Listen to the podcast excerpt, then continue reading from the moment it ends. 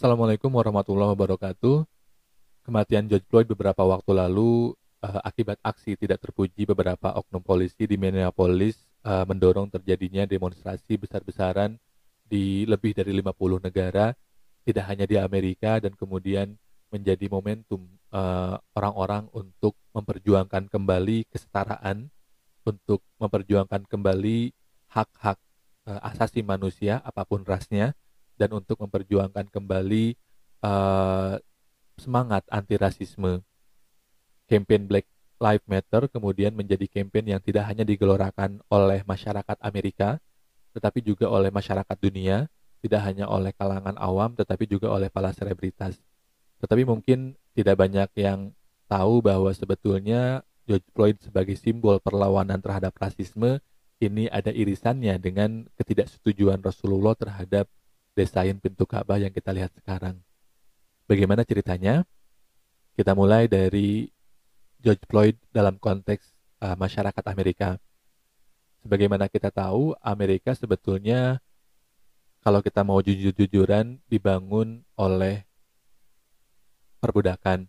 Ketika orang-orang Eropa mengarungi samudra dan menemukan Amerika, mereka membawa serta orang-orang Afrika yang telah mereka taklukkan yang kemudian mereka berbudak di Amerika untuk membantu orang-orang Eropa ini mendirikan industri, membangun gedung, membuka lahan, dan seterusnya. Dan orang-orang Afrika ini tidak diperlakukan manusiawi.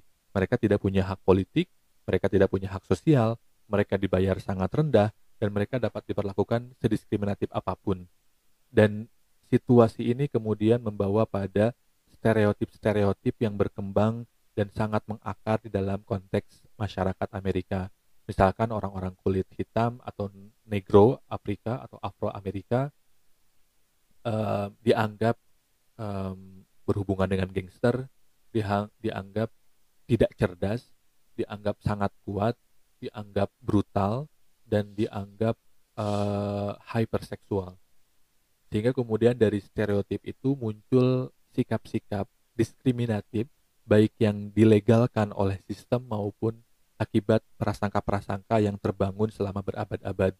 Butuh bertahun-tahun berabad-abad hingga kemudian uh, masyarakat Afro-Amerika ini bisa merasakan eh, hak-hak yang kemudian yang dulunya hanya dirasakan oleh warga kulit putih. Butuh waktu berabad-abad sampai kemudian orang-orang kulit putih setidaknya sebagian merekognisi orang kulit hitam sebagai manusia secara utuh kalau kita lihat tulisannya Dubois, salah satu pemikir Afro-Amerika, uh, beliau itu menjelaskan bagaimana orang-orang Afro-Amerika, terutama generasi kedua, ketiga, dan seterusnya, itu mengalami double consciousness atau kesadaran ganda yang kemudian saling berkonflik satu sama lain di dalam diri mereka. Orang Afrika ingin menjadi Amerika, tetapi mereka sadar bahwa Amerika mengkhianati keafrikaan mereka. Sehingga kemudian dari situasi konfliktual tadi uh, menimbulkan orang-orang Afro-Amerika bisa jadi tidak bangga terhadap keafrikaan mereka atau berusaha menghilangkan keafrikaan mereka atau kemudian uh, menjadi marah sangat marah terhadap segala sesuatu yang berhubungan dengan American Dreams dan seterusnya. Sebetulnya kemudian ketika uh, Barack Obama terpilih jadi presiden itu ada angin segar bagaimana akhirnya orang kulit hitam dapat menempati posisi strategis di dalam konteks masyarakat dan politik Amerika tetapi kemudian kita tahu bahwa pendekatan uh, Donald Trump sangat uh, white supremacy, sangat menonjolkan supremasi kulit putih dibandingkan dengan warga kulit berwarna termasuk dan terutama kulit uh, kulit hitam. Nah, tetapi kita tahu bahwa perbudakan ini tidak hanya struggle-nya orang-orang kulit hitam di Amerika atau uh, struggle-nya uh, orang-orang minoritas di Indonesia misalkan dan seterusnya tapi juga merupakan persoalan yang terjadi di bangsa Arab pra-Islam. Sebagaimana kita tahu, masyarakat Quraisy itu melakukan praktek perbudakan dan praktek itu kemudian dilegalisasi, dianggap benar, dianggap uh, sesuai dengan nilai. Maka kemudian kalau kita lihat dan kalau kita ingat Bilal sebagai uh, budak kulit hitam dari Habasyah kemudian memiliki atau ditempatkan pada posisi dan tugas yang sangat vital dalam konteks dakwah Islam semata-mata untuk merekonstruksi pemikiran dan paradigma orang Arab bahwa semua manusia itu sama yang membedakan hanya kadar ketakwaannya. Jadi physical uh, appearance, kemudian warna kulit dan seterusnya itu tidak mempengaruhi strata atau uh, kelas seseorang. Nah, tetapi ternyata kemudian simbol atau praktek perbudakan dilakukan oleh masyarakat Arab terutama Quraisy uh, pra Islam itu ada jejaknya di dalam desain Ka'bah, terutama dalam pintunya. Gimana ceritanya? Jadi ketika Rasul berusia 35 tahun atau lima tahun sebelum Rasul resmi menjadi nabi, Ka'bah direnovasi. Dan ketika direnovasi ini kemudian masyarakat Quraisy memutuskan bahwa yang asalnya Ka'bah memiliki dua pintu dan setiap pintunya melekat ke tanah sebagaimana yang dibangun oleh Nabi Ismail dan Nabi Ibrahim Kemudian masyarakat Quraisy memutuskan bahwa Ka'bah hanya akan memiliki satu pintu dan pintunya akan berada naik lebih dari satu meter di atas tanah. Tujuannya apa? Tujuannya agar yang bisa masuk ke dalam Ka'bah hanya yang kelasnya tinggi. Dalam hal ini adalah masyarakat Quraisy. Maka kemudian ketika terjadi peristiwa Fatul Mekah, Rasul curhat kepada Siti Aisyah dan menjelaskan bahwa kalau saja saya tidak khawatir masyarakat Arab akan kembali ke dalam kejahiliahan mereka, tentu saja akan kurenovasi kembali Ka'bah ini dan kemudian menyesuaikannya dengan Ka'bah yang dibangun oleh Nabi Ibrahim, terutama dalam hal memiliki dua pintu dan tiap pintunya rapat ke tanah sehingga melambangkan kesetaraan dan setiap orang siapa pun berhak masuk ke dalam Ka'bah, berhak menjadi tamunya Allah di rumahnya. Nah, tetapi Rasulullah mengurungkan niat itu karena khawatir kalau Ka'bah sering direnovasi itu akan mengulangi atau akan mengurangi kesakralan dari Ka'bah itu sehingga kemudian masyarakat Arab akan berpaling dari Islam. Nah, lalu singkat cerita kemudian setelah Rasul meninggal, setelah beberapa khulafa Rasyidin meninggal, eh, terjadi perebutan kekuasaan antara Ibnu Zubair dengan Yazid bin Muawiyah Ibnu Zubair mengklaim bahwa dialah penguasa Hijaz, sedangkan Yazid bin Muawiyah mengklaim diri sebagai penguasa seluruh uh, tanah yang dikuasai oleh masyarakat Muslim pada saat itu. Sehingga kemudian Yazid bin Muawiyah menyerang uh, Ibnu Zubair yang berlokasi di Mekah. Nah, dalam proses penyerangan itu kemudian Ka'bah mengalami kerusakan, Yazid kemudian meninggal secara mendadak. Nah, kemudian Ibnu Zubair ini kan cucunya Abu Bakar dan dia mendengar bahwa suatu ketika e, bibinya Siti Aisyah menceritakan curhatnya Nabi ketika peristiwa Fatul Mekah.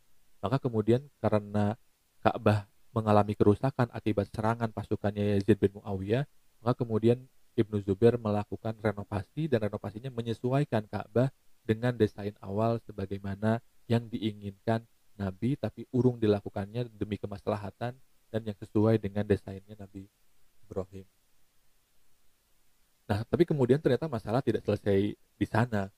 Uh, setelah kemudian dalam dinasti Muawiyah kehilafahan juga berganti dan suatu ketika Malik bin War, Mar, Malik bin Marwan uh, naik ke tam, uh, tampuk kekuasaan dan Malik bin Marwan ini kemudian mengutus Al-Hajjaj untuk menyerang kembali Ibnu Zubair demi merebut uh, wilayah yang dikuasai oleh Ibnu Zubair.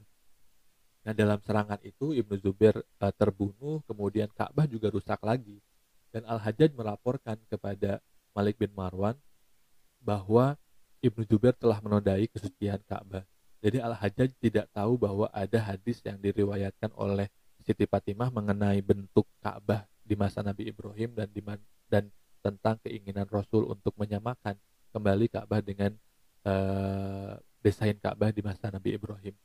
Al-Hajjaj menganggapnya penodaan terhadap Ka'bah sehingga kemudian um, mendorong Khalifah Malik bin Marwan untuk merestui renovasi Ka'bah dan mengembalikan Ka'bah sebagaimana desain yang ditinggalkan oleh Quraisy.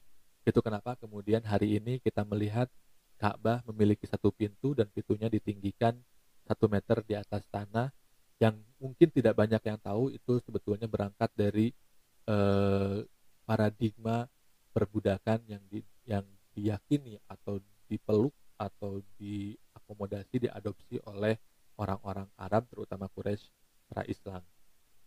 Dan ketika Khalifah Harun ar-Rasyid dinasti Abbasiyah berkuasa, sebetulnya Khalifah Harun ar-Rasyid juga berencana untuk merenovasi kembali Ka'bah biar sesuai dengan desain Nabi Ibrahim dan sesuai dengan keinginan Nabi, tapi kemudian keinginan Khalifah dilarang oleh Imam Imam Malik karena e, khawatir kalau misalkan terus-menerus direnovasi sesuai keinginan Khalifah akan muncul kekeliruan pemahaman di kalangan penguasa politik negara Islam atau dinasti Islam atau negara-negara yang mayoritasnya masyarakat muslim yang menguasai Ka'bah untuk kemudian merenovasi Ka'bah sesuai keinginan mereka sehingga Ka'bah akan kehilangan uh, kesakralannya.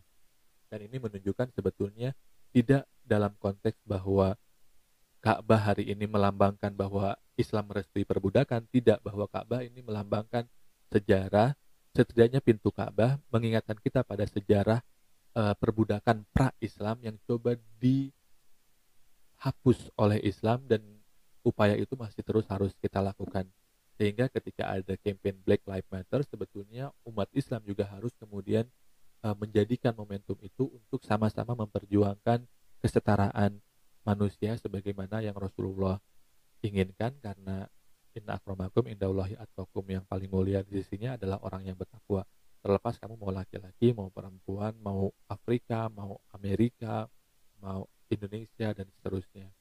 Karena di hadapan Allah semua manusia sama. Demikian perkataan kali ini. Terima kasih. Wassalamualaikum warahmatullahi